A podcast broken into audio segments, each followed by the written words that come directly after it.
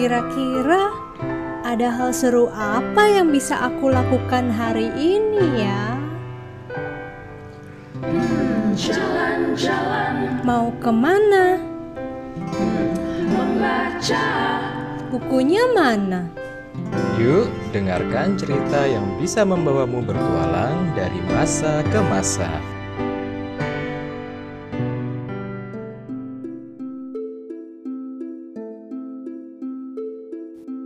Hai kula-kula, di sini bersama Smooth Claire T akan membacakan sebuah cuplikan novel historical karya sendiri berjudul Kerongsang Giok.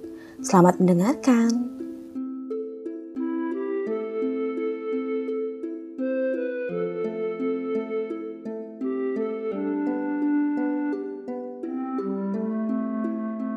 Kalau dipikir kembali, aku sempat beruntung dilahirkan di kota Semarang.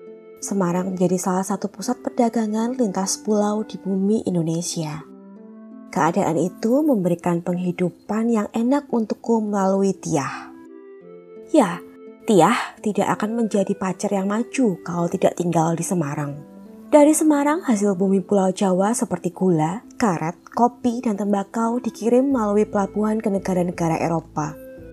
Nah, karena Semarang adalah kota pelabuhan yang penting, maka dibangunlah jalur kereta api seperti pembuluh darah yang menghubungkan kabupaten-kabupaten.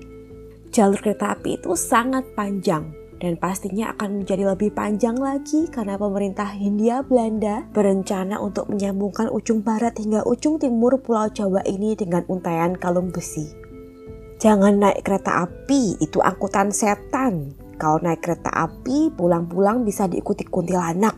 Begitu mitos yang sering aku dengar. Kebanyakan dari ibu-ibu yang belum terjamah pendidikan. Mereka belum berpikiran terbuka dan belum dapat mengerti bagaimana kereta api bisa berjalan sendiri. Sincha tahun 1914 adalah tahun macan kayu yang jatuh pada tanggal 26 Januari di tahun Masehi yang kali ini dibarengi dengan suasana sibuk kota Semarang. Tidak hanya Olanda, peranakan Cina dan Bumi Putra disibukkan oleh berbagai persiapan menjelang Tentostelling. Sebuah ekspo besar yang rencananya akan diselenggarakan dua bulan di Semarang sebagai peringatan 100 tahun kemerdekaan Belanda dari penjajahan Prancis kota Semarang berbenah dan bersolek. Sedihnya, Bong Tiah dan Neh kemungkinan akan digusur untuk membangun kawasan pemukiman candi. Pemerintah Hindia Belanda merasa kawasan candi di bagian atas kota Semarang sangat mubazir jika hanya ditempati oleh manusia yang tidak bernyawa. Bila Semarang atas terkenal dengan Bong Cina, Semarang bawah penuh dengan buruh pendatang yang mengerjakan pembangunan. Kawasan itu menjadi penuh sesak dan tidak sehat lagi.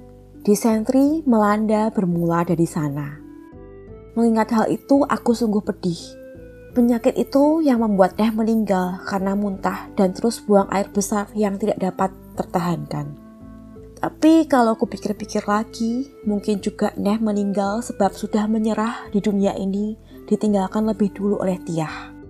Ketiadaan Tiah kemudian disusul oleh ketiadaan Neh membuatku tidak lagi mengetahui apa yang terjadi di luar sana. Aku hanya tahu kabar dari pembicaraan orang-orang di pasar saja. Ku dengar akan ada perlawanan dari keturunan Cina Semarang agar penggusuran Bong Candi dibatalkan. Untuk itulah hari ini di depan altar luhur aku mengangkat hiu tinggi-tinggi.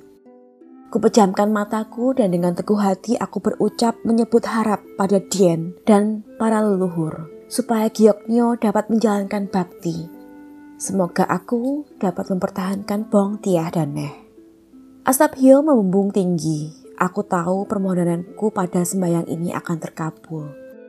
Sebentar kemudian hujan turun. Awalnya rintik-rintik, kemudian lebat.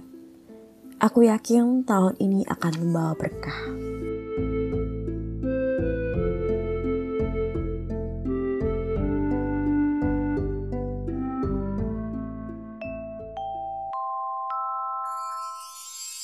Demikian kisah hari ini terima kasih sampai jumpa lagi.